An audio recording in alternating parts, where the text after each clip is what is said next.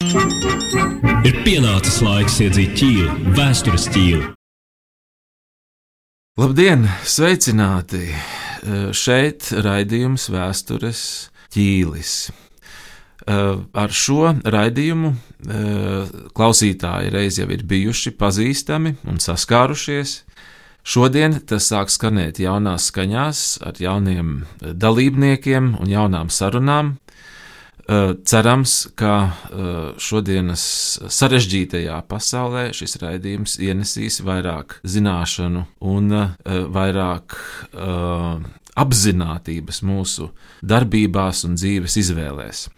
Šodien ar jums runā Latvijas Universitātes Vēstures un Filozofijas fakultātes profesors Rais Bičevskis, un šodien man ir liels prieks, ka mans sarunu biedrs, uh, ar kuru kopā nu, mums ir lēmts ievadīt šo jauno raidījumu sēriju, uh, ir Vēstures un filozofijas fakultātes profesors Andris Levāns. Labdien! Es ceru, Jā. ka nav jāsaka arī vakar, jo citādāk sanāktu labdien, labvakar vai labdien, labrīt.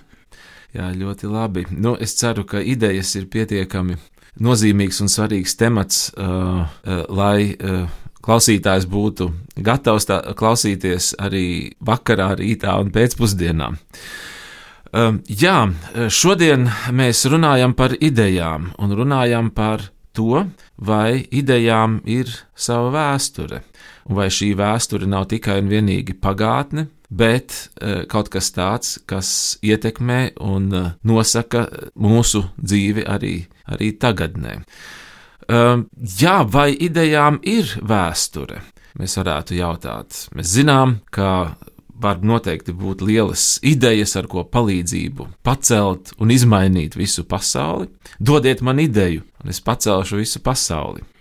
Bet uh, ko mums uh, saka vārdu salikums, uh, ideju vēsture?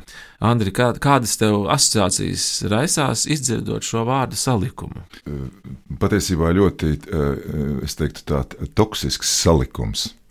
Ehm, gribētos jau reizēm teikt tā par atsevišķām idejām. Nu, iespējams, par tām, kuras ir eh, nesušas cilvēkiem postu. Nu, kādā brīdī mēs eh, nonākam pie atziņas, ka labāk būtu bijis eh, nezināt, vai labāk būtu bijis nelaist pasaulē, nu, piemēram, tās idejas, kas ir tapušas Kāļa Marksa galvā. Eh, atcerieties, ka viņš reiz rakstīja par to komunismu rēgu, kurš klīst pa Eiropu. Nu, tas bija tāds asiņains, eh, iespējams, teju dzīvnieks. Nu, katrā ziņā kāda monstruoza būtne, eh, kurai tika veltīta jau 19. un 20. gadsimta sākumā neviena vien karikatūru sērija, kas patiesībā uzdzina baisas trīs ļaudīm. Uh, un, jebkurā gadījumā mēs varam teikt, ka jā, nu, katrai lietai, katrai lietai ir sava pagātne. Neatkarīgi no tā, cik ilgu mūžu šī lieta, parādība, taustāma, netaustāma, attiesti, attiecības starp cilvēkiem, uh, priekšmeti, kurus cilvēki ir radījuši. Tieši tāpat kā domas, kuras mēs esam domājuši, iespējams, tās ir pastāvējušas tikai kādu mirkli, un pat šis mirklis kļūst par vēsturi tajā brīdī, kad mēs ķeramies pie spāles kāta un sākam to aprakstīt. Tajā brīdī, kad mēs atceramies un sakam, redz, reiz man bija tāda doma, tas bija iespējams tikai vakar, un es mēģināšu pierakstīt to, ko es atceros par šo domu. Es mēģināšu to aprakstīt. Tajā brīdī, kad mēs veidojam šo aprakstu, kas iespējams ir neliels stāsts, iespējams, bez kādas literāras vērtības. Tajā brīdī mēs esam jau radījuši šīs domas eh, vēsturi.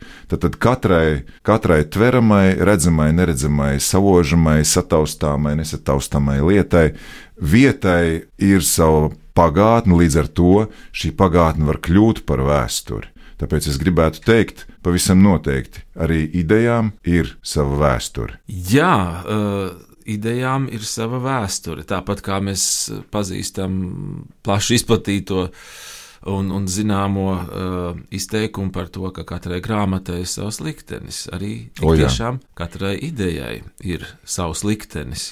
O, jā, mēs varētu pat uh, jautāt, varbūt uh, uzdot šādu jautājumu, vai, nu, piemēram, kāds uh, romāns vai kāda novele um, arī ir uztverama kā ideja. Vai varbūt pat vairāku ideju satikšanās vieta.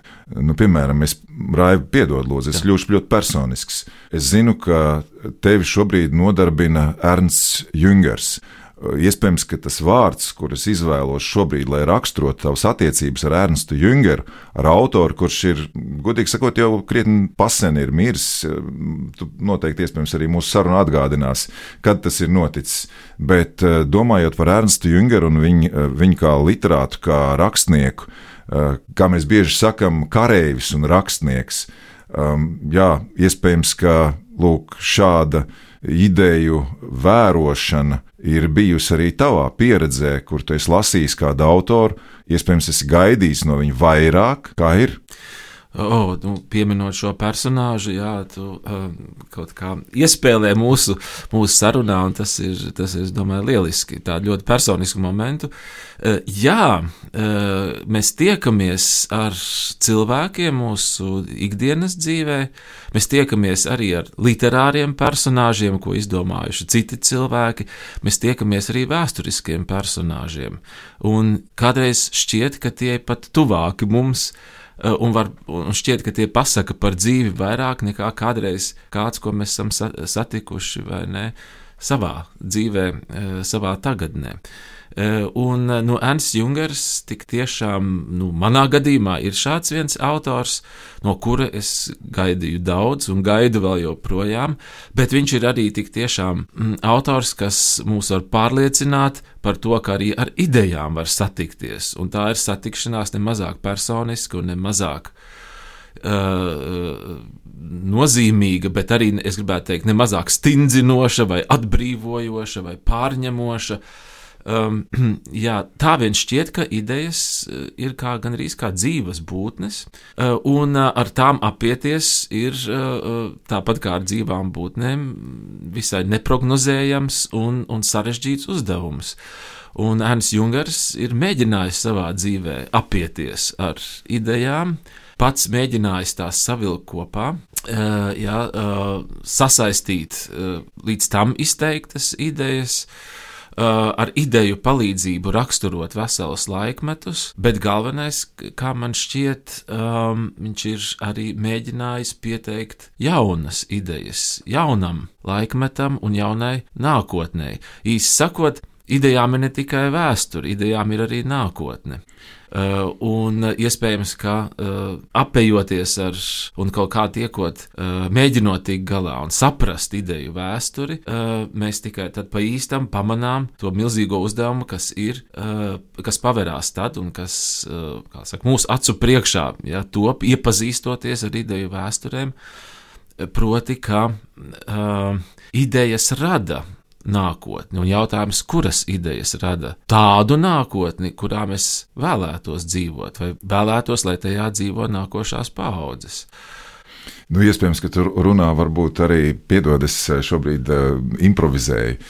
Uh, un uh, tas, ko es tev gribēju jautāt, um, idejas un nākotni, kaut gan tādā pat laikā mēs ļoti labi apzināmies, ka uh, jau nākamajā mirklī, nu, teiksim, pēc uh, tam, kad mēs esam iepazinušies, uh, esam iespējams arī mēģinājuši izvērtēt, cik uh, lielā mērā mums noder šīs domas, kuras mēs iespējams vēl neuzdrošinamies saukt par idejām, jo tie ir sākotnēji tikai vārdi.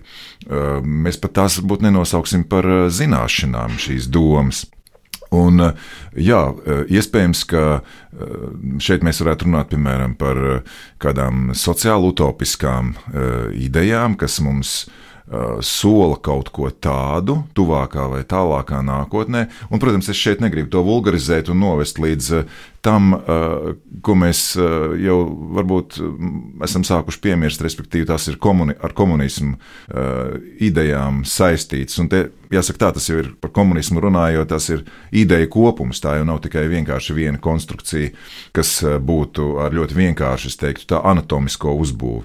Bet runājot par sociāli utopiskām idejām vai domām, Um, kā tev šķiet, vai, nu, piemēram, Ernsta Jungera darbos mēs kaut ko tādu varam atrast un izlasīt? Tu esi pieminējis um, šo ļoti, man liekas, fascinējošo tēlu par aiziešanu mežā.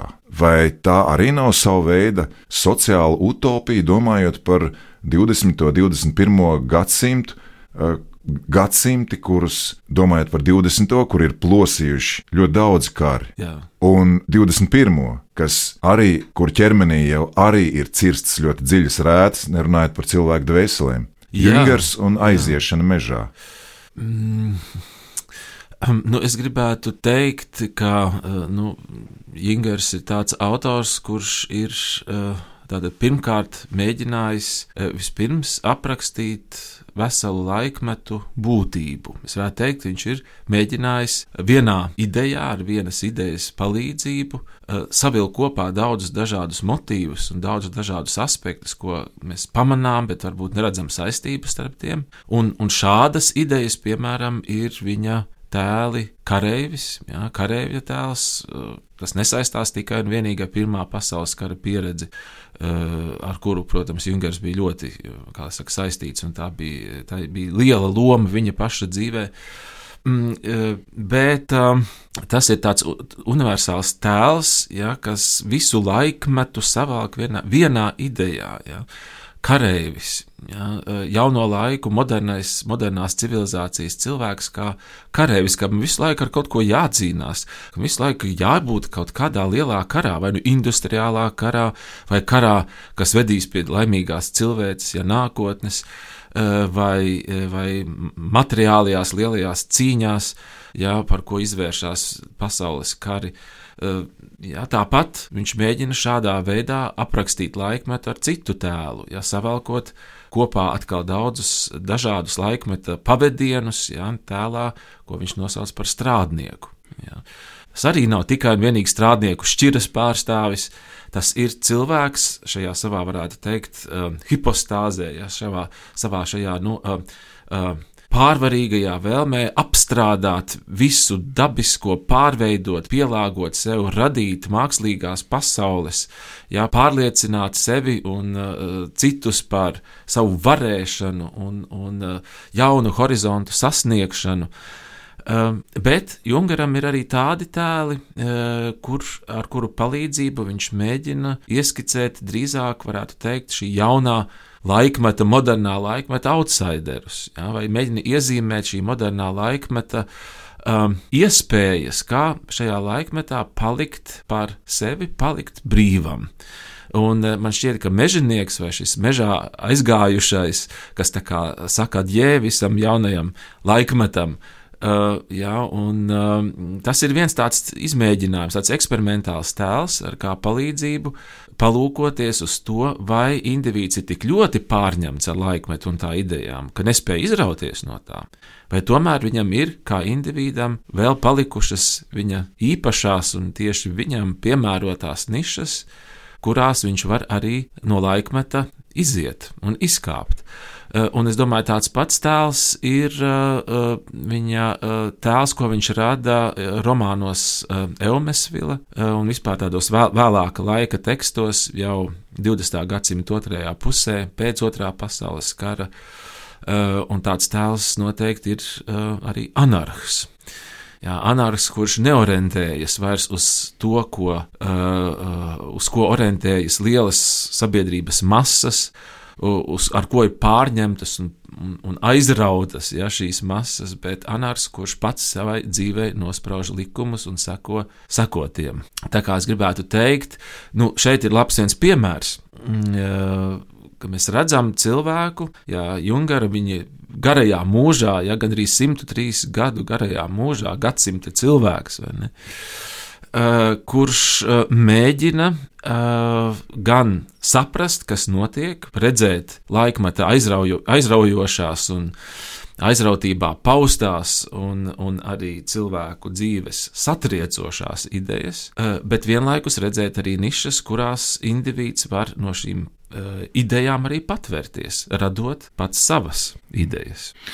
Rāvi, jā, vispār tu man pavadināji uz eh, dažādām, vēl, es teiktu, tā, nu, noteikti jau tās nav provokatīvas eh, domas, eh, bet viena lieta, ko es tev gribēju pajautāt, nu, vai gadījumā nav tā, arī vērojot, vērojot Jungeru un autors, kas iespējams mēs viņus ja mēs vienkārši mazliet sāktu meditēt par to, ko mēs esam lasījuši un ar kādām acīm, mēs ieraudzītu nevienu interesantu personāžu, nu, piemēram, Eriks Marija Remarks.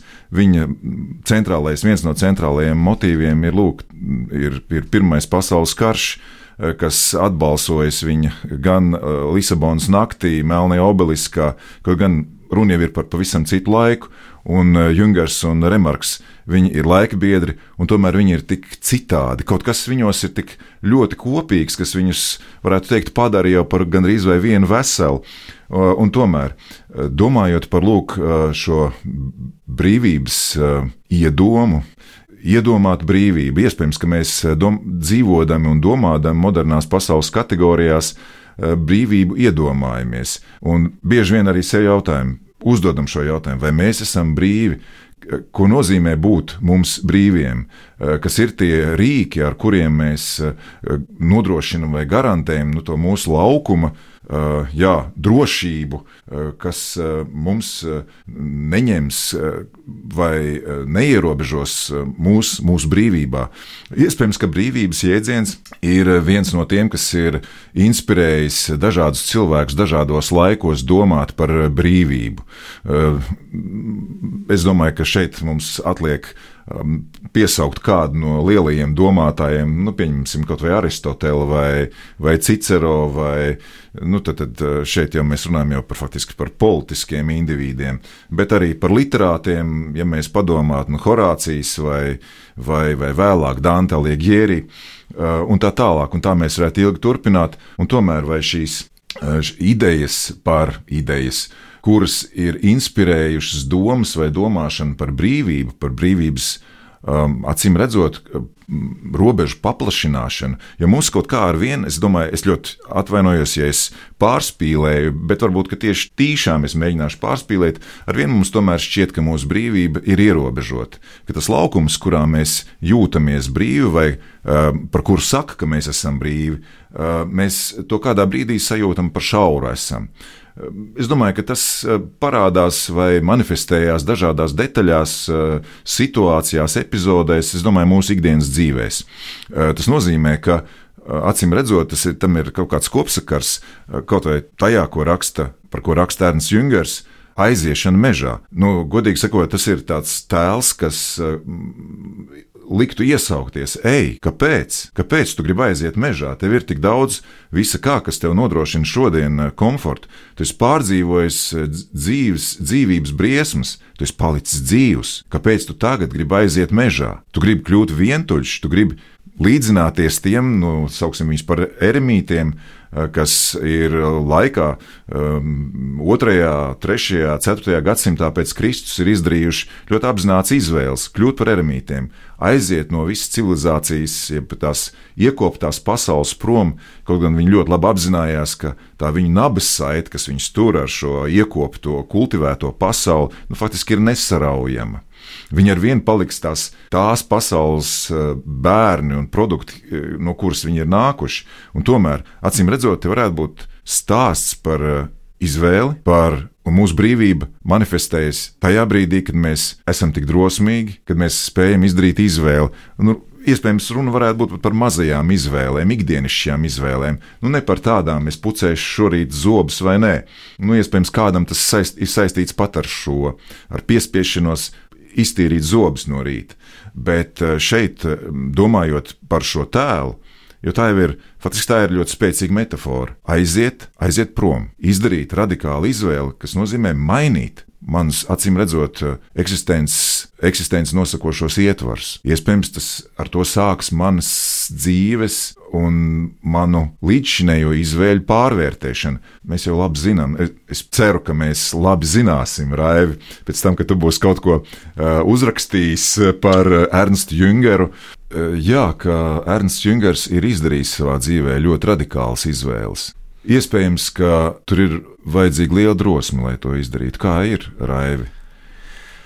Jā, nu, tu skar tagad ļoti svarīgu un eksistenciāli, nu, pilnīgi nu, neapējamu un nozīmīgu jautājumu.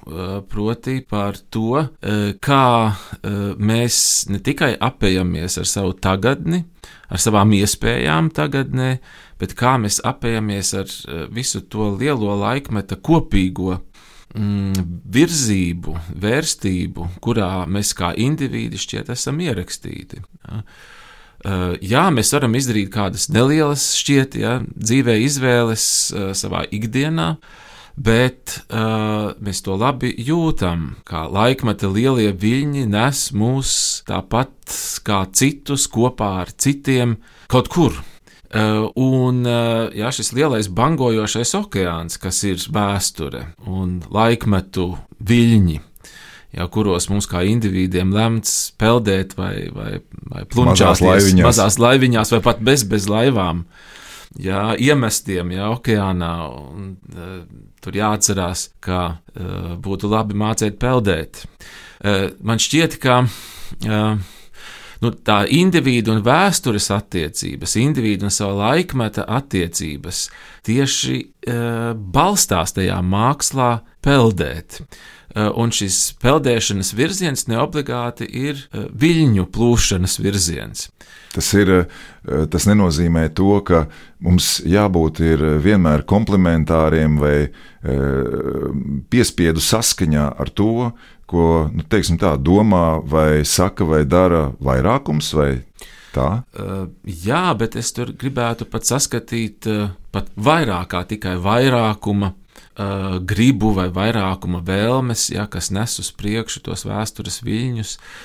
Um, tur noteikti varētu atcerēties par daudzu izcilu gan vēsturnieku, gan filozofu izteikumiem par vēstures gaitu uh, un tiem spēkiem, kas to virza. Uh, bet es domāju tieši, mm, jā, eh, to iespēju, eh, kas arī mums nu reiz ir dota ar vārdu un domu palīdzību, radīt laikmeta tādus kopsavilkumus, radīt laikmeta tēlus, ar kā palīdzību mēs vispār tikai kā, saprotam, kas notiek. Uh, un uh, skaidrs, ka uh, mēs redzam tādus izcilus piemērus, jā, un nosaucam tos vārdos. Um, jā, mēs sakām, jā, kas, gan, kas gan būtu nezinu, tā pati antīkā ne, pasaule un filozofija, piemēram, bez Aristoteļa, jā, kurš tik lieliskā veidā jā, savu universālu filozofu, jā, prāta skatījumu, ja, ir tvēris savu laiku, tvēris savu, savu laiku, um, nu, domas par pasauli, jēdzienos, vārdos. Uh, un kas gan mēs arī būtu bez, bez lieliem rakstniekiem, ja, kuri spējuši vārdos izteikt to, ko varbūt mēs esam tumši vai dziļi nojautuši, un tagad tas ir izteikts un skaidri redzams.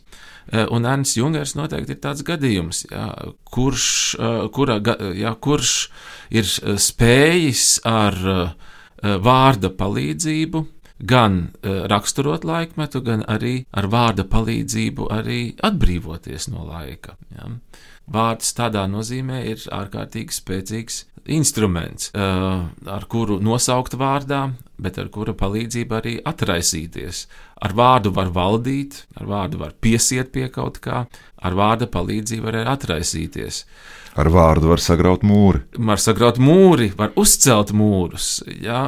Un mēs redzam šādus nu, cilvēkus, kā Jānis Jungers, kas ar vārda palīdzību ir savā dzīvē mēģinājis darīt daudz ko no nosauktā. Jā, un mēs arī redzam, ka gan pēdējo pāris gadsimtu gaitā, gan arī mūsdienās ir cilvēki, kuri mēģina izprast veselu laikmetu dzīvi un, un kustību, pētot tieši idejas, ideju attīstību, jā, ideju vēsturi, un uh, ir labi ieklausīties viņos. Mēs zinām, ka nu, tam līdzīgi pētījumi šodien notiek. Uh, ļoti daudzās formās un veidos. Mēs zinām gan par ideju vēsturi, gan par uh, mentalitāšu vēsturi. Par jēdzienu vēsturi. Par jēdzienu ar vēsturi. Uh, uh, uh, Reinhardu Kozeleku, uh, Jā, gan, nu, jau jāsaka tā mirušu. Uh, bet ar vienu vēl dzīvu viņa pētījumos tieši par nozīmju, jēdzienu, vēsturi tieši tādā sociāla antropoloģiskā skatījumā. Tas būtu Jā. viens piemērs. Jā, un mēs zinām, ir arī diskursu vēsture un, un intelektuālā vēsture. Un, un ir, protams, interesanti kā detektīvam iegrimt gadsimtu dzīvēs un pavērot, kā uh, top jēga, kā vārdiem mainās nozīmes, kā arī ideju svars un nozīme dažādos laikmetos mainās, un par šīm izmaiņām Ja, mums stāsta tātad ne tikai lieli domātāji, ne tikai lieli rakstnieki, bet arī labi vēsturnieki. Un noteikti var paust cerību, ka šodien vēl joprojām ir dzīvi labi ideju vēsturnieki, un tas ir svarīgi laikmetam. Ir pienācis laiks iedzīt ķīlu, vēstures ķīlu. Jā, pēc pauzes mēs esam atkal atpakaļ. Uh, mēs beidzām savu uh, sarunu ar norādi uz uh, domātājiem, rakstniekiem, bet arī vēsturniekiem, uh, kuriem nu reiz ir bijis dots ar vārda palīdzību. Uh, raksturot veselu laikmetu dzīvi, raksturot laikmetus aizraujošās un savā varā pārņemošās idejas. Uh, un uh, man šķiet, ka tas mūsu sarunas pavadiens pirms tam uh, vijās no pagātnes caur tagadnē uz nākotni. Uh, un uh, mēs tā kā nonācām pie tā, uh, ka uh, nākotni nevis paredzēt mums nav lemts, bet nākotni nojaust varbūt mums ir lemts tikai, ja mēs labi zinām pagātni. Vai tu piekristu šādai tēzei? Uh, daļēji. Daļēji ir aivi, tāpēc ka, diemžēl, ir tā, ka Mēs nevaram, mēs nevaram, paredzēt, mēs nevaram paredzēt tos, manuprāt, mēs nevaram paredzēt tos uh, līkumus līdzīgi kā upēji palu laikā. Uh, kur var gadīties, kāds jau zināms no iepriekšējās vasaras, uh, līkums pēkšņi pazūd, uh, un izrādās, palūdeņi ir izlauzuši citus ceļus upes gaitai. Un eh, man liekas, ka līdzīgi ir ar uh, idejām vai koncepcijām vai uh, prognozēm, kur var pēkšņi rasties apstākļi, kas nav paredzēti, un mūsu nu, tā, cerības, kuras mēs esam likuši uz tuvāko nākotni, var izjukt, izplēnēt, tās aizpūš vējš kā pieneņa pūkas visos pasaules virzienos. Un, mēs atkal jau kārtējo reizi esam vīlušies ļoti iespējams par to, ka nav noticis tas, ko mēs esam gribējuši. Un bieži vien jau tas ir saistīts ar tādām ļoti vienkāršām lietām, ar nu, tādām materiālām lietām, ar, ar to, ko es gribu tagad, vai nu ceļot, nopirkt, apēst Um, tas ir eksistenciāls vajadzības, tās nosaka to mūsu dzīves kvalitāti un arī iespējams to mūsu pozīciju iepratī dzīvē, ko mēs no tās gaidām. Jo dzīve jau nav tikai darbs, vai dzīve nav tikai ciešanas, vai dzīve nav tikai vien, viens vienīgs, uh, nav vien vienīga ballīte vai vēl kaut kas tāds un uh, līdzīgi. Uh, tieši tāpēc es gribētu teikt, ka tas, ko mm, mēs bieži dzirdam un kā mēs sevi mierinām, jo drīzāk tā ir tāda sevis mierināšana, uh, ka, lūk, palasīsim to, ko kāds raksta par pagātni, respektīvi vēsturi. tad uh, mēs uzzināsim to, ko nevajag darīt, vai tieši otrādi, ko vajag darīt. Vai arī, ka vēsturnieks, uh, kurš raksta par pagātni un ir diezgan iespējams arī pamatīgi izanalizējis šos pagātnes procesus, ir kaut kādā veidā tāds kā vizionārs, kurš pateiks to, kā varētu būt. Um, vienā otrā gadījumā, vienā otrā gadījumā tā patiešām taču arī notiek. Bet mēs ļoti labi zinām, eh, ka eh, atceries eh, Francis Fukujama.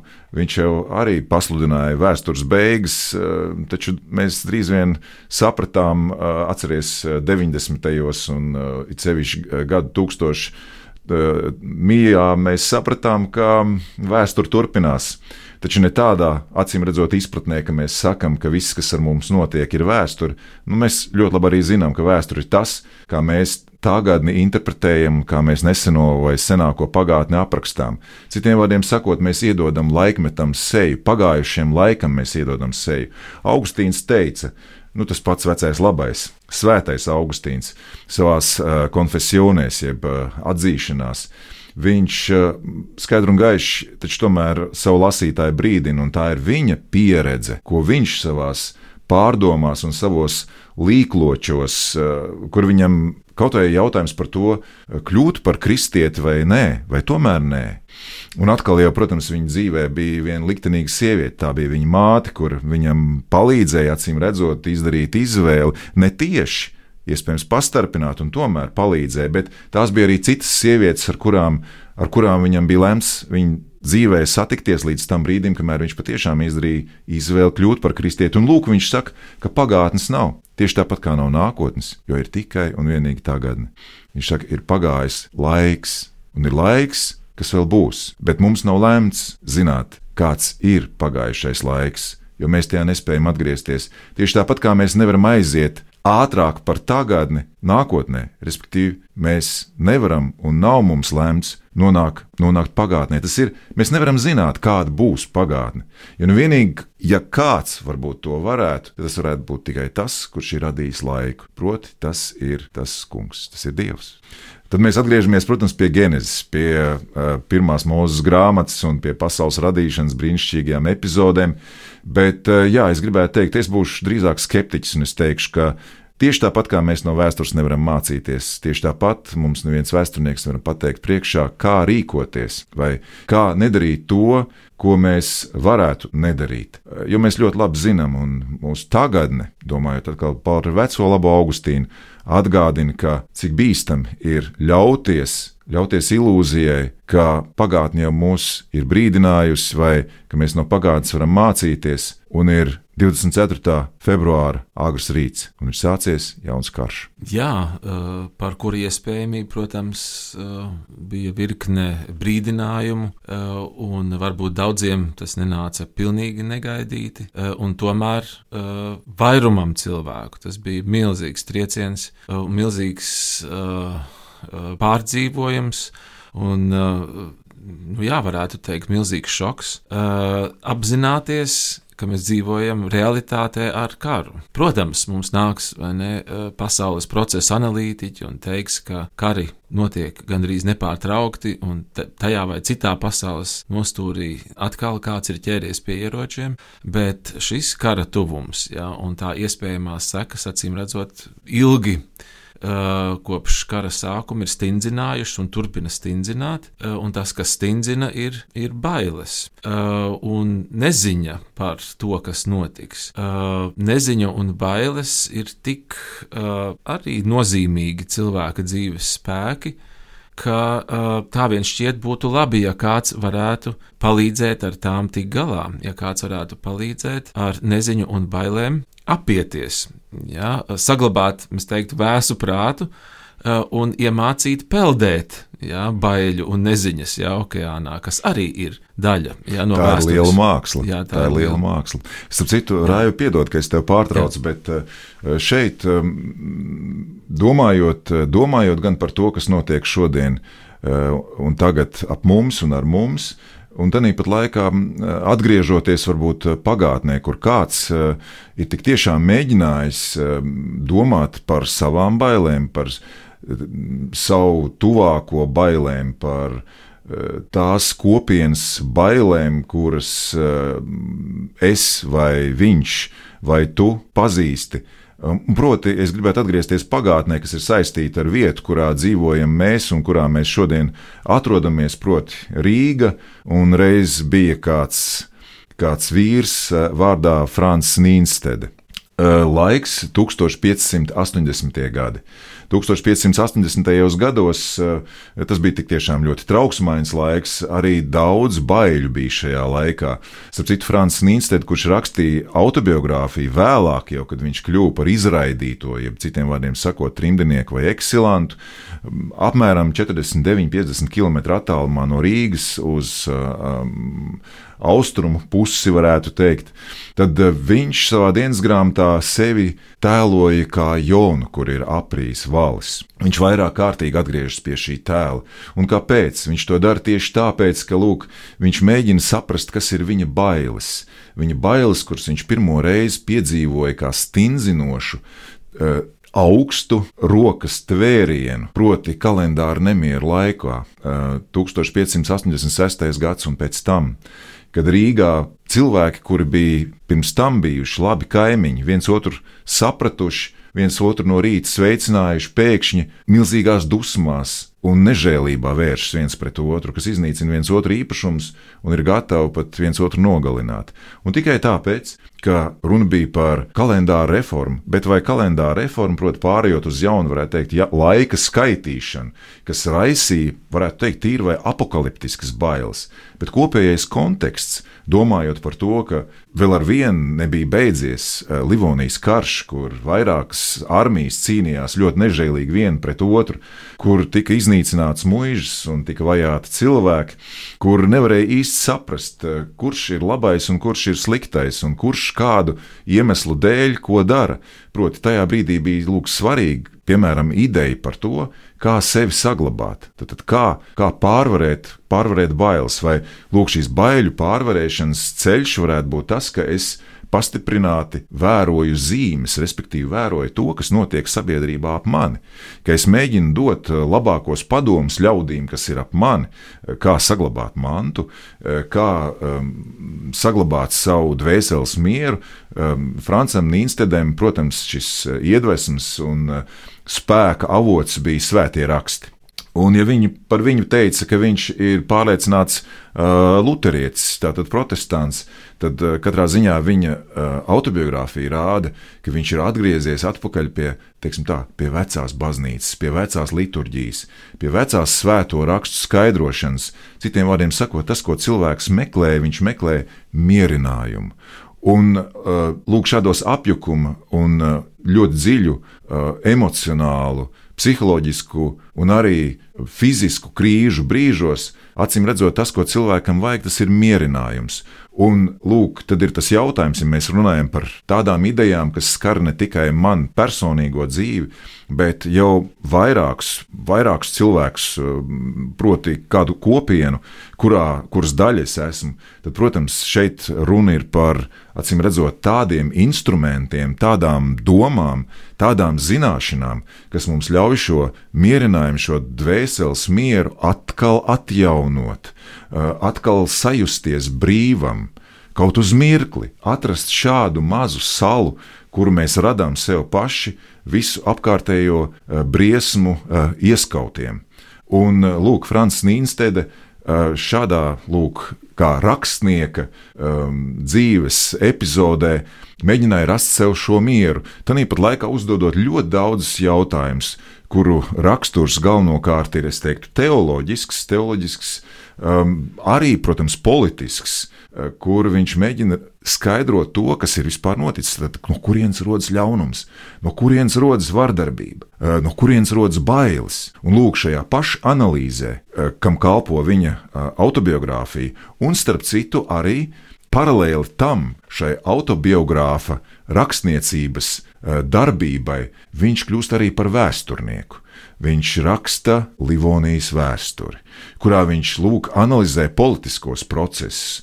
Eh, viņš sāk aprakstīt Livonijas vēsturi no tā brīža, kad Livonija tika atklāta kā nezināmā zeme kaut kur tālu austrumu vai vācu jūrā.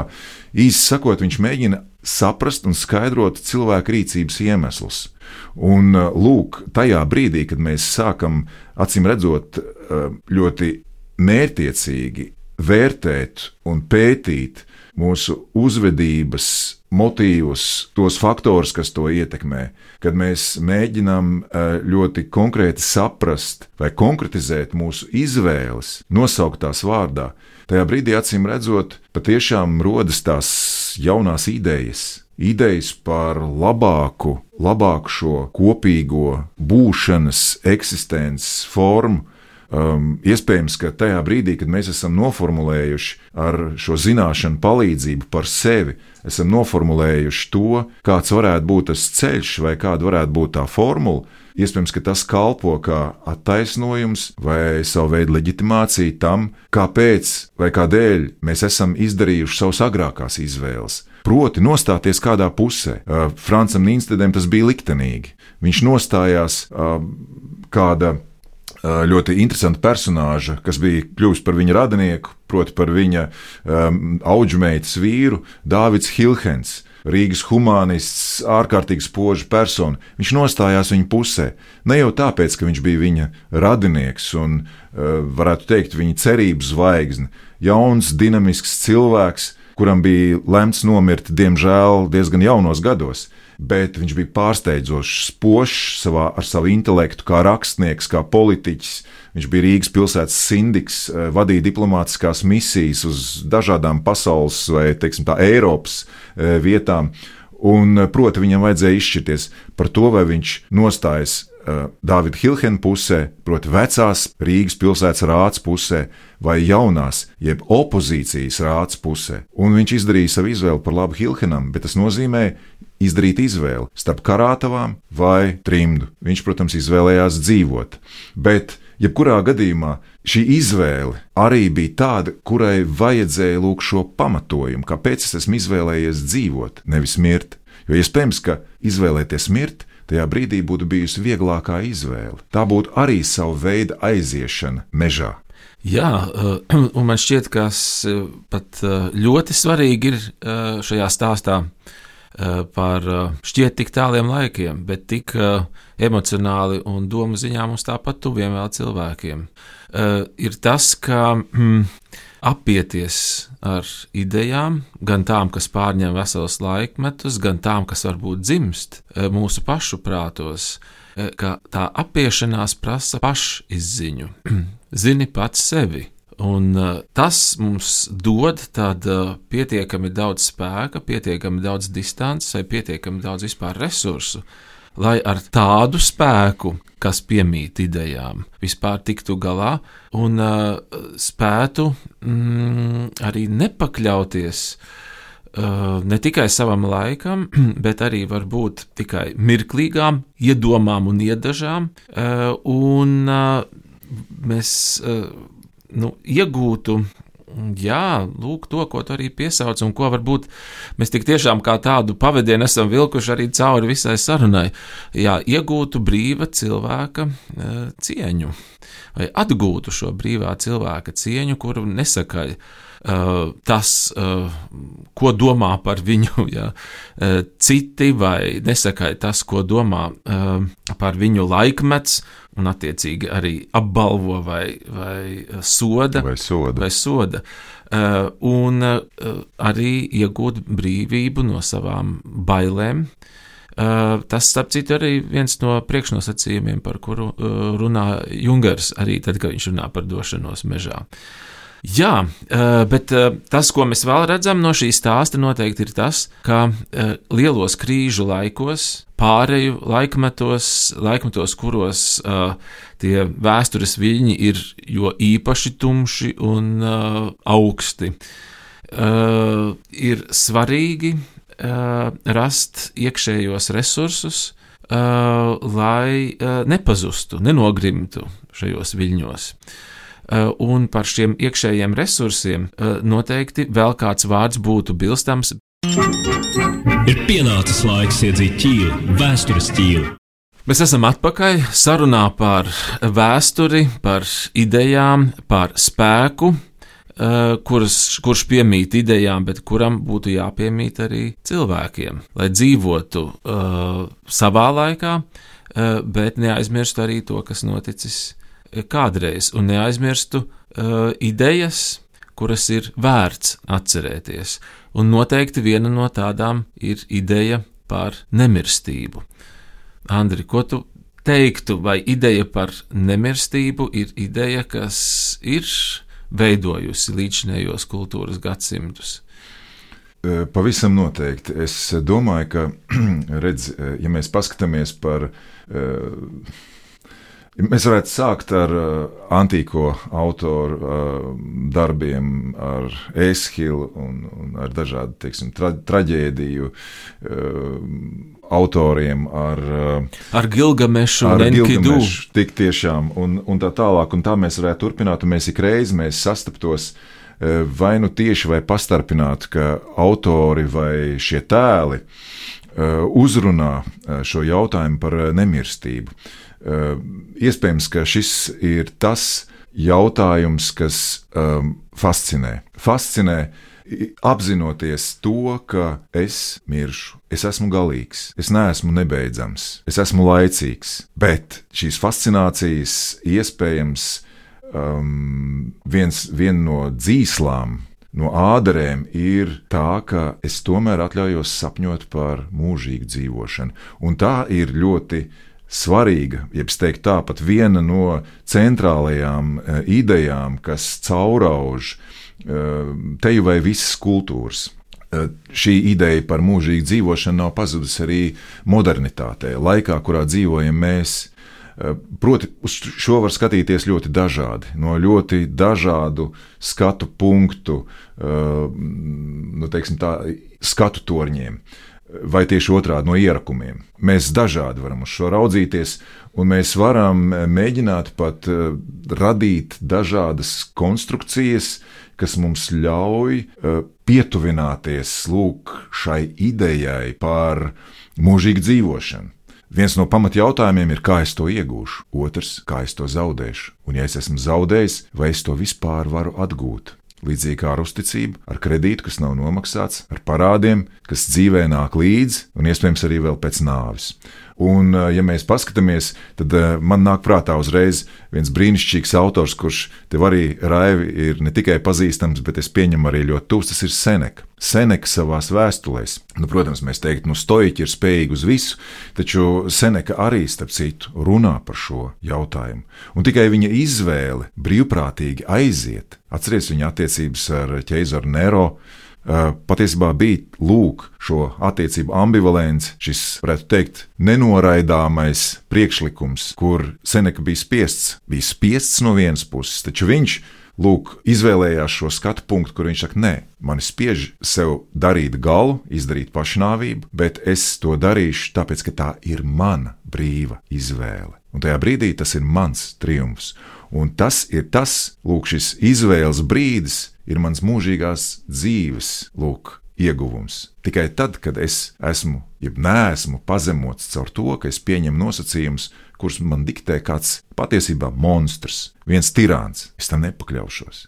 Un tur ir vajadzīga liela drosme. Vai mums pietrūks, pietiek vai pietrūks šādas drosmes, tas ir arī ļoti svarīgs jautājums. Un starp citu, šīs pašas vai šo ideju kontekstā par mūžīgu dzīvošanu vai, vai dzīvi pēc nāves, kas ir saistīta ne tikai ar kristietības lūk, dažādiem jautājumiem, teoloģiskiem jautājumiem, ar dogmatikas jautājumiem. Bet viena lieta, kas man arī šajā pašā kontekstā ienāk prātā, tas ir Dante Alighieri, kurš būdams jau nedaudz vecāks par 40 gadiem, arī uzdeva šo jautājumu sev tieši un nepastarpināti. Un eh, šo jautājumu viņš uzdod sev, patiesībā arī autobiogrāfiskā tekstā. Tā ir uh, divina komēdija, dievišķā komēdija. Un eh, cik spilgts un, manuprāt, neaizmirstams ir šis pirmais kantiče, proti, pirmais dziedājums par inferno, par elli, par to, kā viņš tajā nonāk.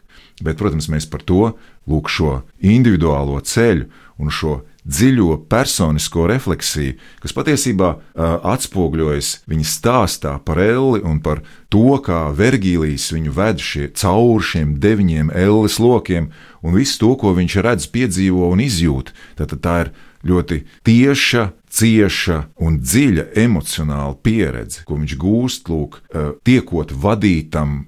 Pirmkārt, jau tas nav neviens cits kā Vergīlijs, un tiek, tiekot vadītam cauri šiem deviņiem ēlas lokiem aizvien dziļāk un dziļāk. Līdz tai vietai, kur viņš sastopas patiešām tos pavisam pazudušos. Uh, tie ir sodomīti, tie ir naudas viltotāji, tie ir viltvārži, Nu, tie ir visi tie, kas atbilstoši viņa laika uztverēja 14. gadsimta pirmajā pusē, uh, ir cilvēki ar patiešām ar absolūti zaudētu reputāciju. Un, uh, lūk, tas jautājums, kas viņu motivē pirmkārt ķerties pie spalvas un rakstīt, ir ne tikai lūk, šis laikmeta spožo un laikmetu virzošo, laikmetu bremzējošo ideju, arī cits starpā, kas ir saistīts ar kristietību, ar teoloģiskām idejām, ar idejām un jautājumiem un koncepcijām par varu, par politisku varu, kā vara tiek izmantota. Vai tā vai šī vara tiek izmantota kopienas, kopējā labuma vārdā, vai šī vara tiek, vāciešiem ir šis brīnišķīgais termins, misbraukt. Tātad šī vara tiek nelietīgi, sautīgi izmantot, lai tieši otrādi patiesībā cilvēkus viņu brīvībās ierobežot un pakļautu. Šie ir jautājumi, kas nodarbināja Danti. Un uh, tieši tāpēc viņš arī viņš saka, es neiešu tagad, un es ne, ne, neskatīšos svešos pagalmos, un neteikšu viņiem, klau, tev nav pagalms kārtībā, es sākšu ar sevi. Viņš sāk ar sevi, un atceries, ir zaļās ceturtdienas nakts. Tā ir, tas ir simbolisks brīdis. Teiksim, tā mūsu uh, mitoloģiskajā viduslaiku domāšanā, proti, tā ir nakts, kad notiek pēdējais vakarēdiens, Jēzus ar saviem mācekļiem sarunājas, un viņš pasaka par to, kas būs. Mēs zinām, ka viņš to var pateikt, jo viņš ir īpašs. Un tas ir 7. nakts no 7. uz 8. aprīli, 1300. gads, un Dante atrodas kur? Viņš atrodas kāda kalna pakājē, un tajā brīdī viņš meklē ceļu. Tas ir arī patiesībā ļoti teiksim, tā tāds alegorisks, ļoti spēcīgs tēls - tumsā meklēt ceļu, kalna pakājē nezinot, kurp tu nokļūsi. Varbūt tu nokritīsi pa klintīm un būs beigts. Bet nē, viņš pēkšņi sajūt, ka viņam ir vēl kādi pavadoņi, kurus tumsā viņš vēl neizšķir. Bet tad, kad gaisma aust, viņš ierauga, ka viens ir leopards, ka ir lauva un ir vilcēni. Lasītājs uzzina, ka patiesībā runa ir par viņa bailēm, par to, ka viņš atskārst, kāds viņš ir. Un viņš meklē ceļu, bet viņš arī baidās no tiem lūkšiem sekotājiem, un pēkšņi ir kāds, kas pieskars viņa rokai. Tas ir Vergīlijs. Viņš saka, es tev parādīšu to, ko tu nekad neesi redzējis, es tevi ievedīšu pazemē, vietā, no kurienes cilvēki neatgriežas. Un tā sākas viņa ēles ceļojums. Bet ar šo es gribēju teikt, ka šādi arī var runāt par nemirstību, par mūžīgu dzīvošanu. Un viss sākas šeit un tagad. Un tāpēc jau nevelti arī antīkajā viduslaiku pasaulē, bet arī šodien mēs sakām, kādi ir tavi darbi, kādi ir tavi darbi, kas ar tevi notiek, kad tu izšķiries par labu vienam vai otram. Tev ir iespēja sev pazudināt, un iespēju sev celt. Un to, kā cilvēki var sevi pazudināt, viņi var pazudināt veselas tautas, to mēs ļoti labi redzam šodien. Un patiesībā atkal jau tās ir idejas, kas mūs virza, tās ir apmācības, kuras mēs beigu galā vienā brīdī atkal jau pat varbūt paceļam un nosaucam par idejām. Ja mēs maskējamies ar idejām, patiesībā tās ir mūsu apmācības, ko, par ko starp citu arī Dante raksta savā dievišķajā komēdijā. Jā, lieliski. Es domāju, tas ir lielisks tēls, uh, uh, kas sasaista cilvēku individuālos likteņus ar ideju likteņiem, uh, kas sasaista vēsturi ar tagadni un, un turklāt arī cilvēces lielās cerības ar veidu, kā par, tiem, kā par tām runā uh, lieli dzinieki. Uh, un, un uh, domātāji. Tas, ko tu teici par Danti, man uh, lieliski šķita sabalsojamies ar, ar cita liela dzinieka mm, darbu, proti, Gētas Faustu, kur Fausts arī traģēdijas sākumā izmēģina šķiet lielas idejas, ar kā palīdzību ne tikai virzīt savu individuālo dzīvi un pakļaut šīm idejām, ja, vai ļaut tām vadīt savu dzīvi, bet acīm redzot, ar to palīdzību mēģinot arī nospraust visa laikmeta mm, ceļu. Jā, viņš izmēģina vārdu gars, tulkojot to pašu, tos pašus svētos rakstus. Jā. Jā. Jā, jā, tur, kur ir vārds, jā, tad viņš izmēģina vārdu gars, tad izmēģina vārdu um, jēga, tad izmēģina vārdu spēks. Un nu, šķiet, ka tāds provizoriskais rezultāts viņš gribētu atstāt uh, šajā svarīgajā vietā, vārdu, kam tad lūk vadīt viņa dzīvi, bet arī, tomēr es gribētu teikt, viņš grib vispārināt, viņš liek vārdu darbs. Jā, vai, vai veikums. Jā, uh, Un, jā, stāsts par idejām, to likteņiem cauri gadsimtiem, stāsts par cilvēku individuāliem, individuālām dzīvēm, individuāliem likteņiem uz, uz lielu ideju un laikmetu fona.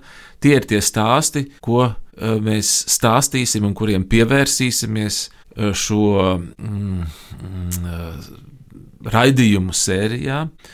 Eh, kuriem esam saglabājuši nosaukumu Vēstures ķīlis. Šodien eh, ar mani kopā studijā bija eh, Andris Levāns, un man tiešām prieks, ka mēs sākam šo raidījumu sēriju šajā tandēmā. Un es nojaušu tomēr vismaz tādu nākotni, proti, ka mēs vēl studijā atgriezīsimies un ideju un cilvēku likteņus šeit vēl vētīsim. Jā, šodien tātad studijā bija Rais Bičevskis un Andris Levāns. Jā, paldies tev, Andri. Un, paldies tev, Raivi. Jā, un, un uz jaunām sarunām un jaunām pārdomām. Ir pienācis laiks iedzīt ķīlu, vēstures ķīlu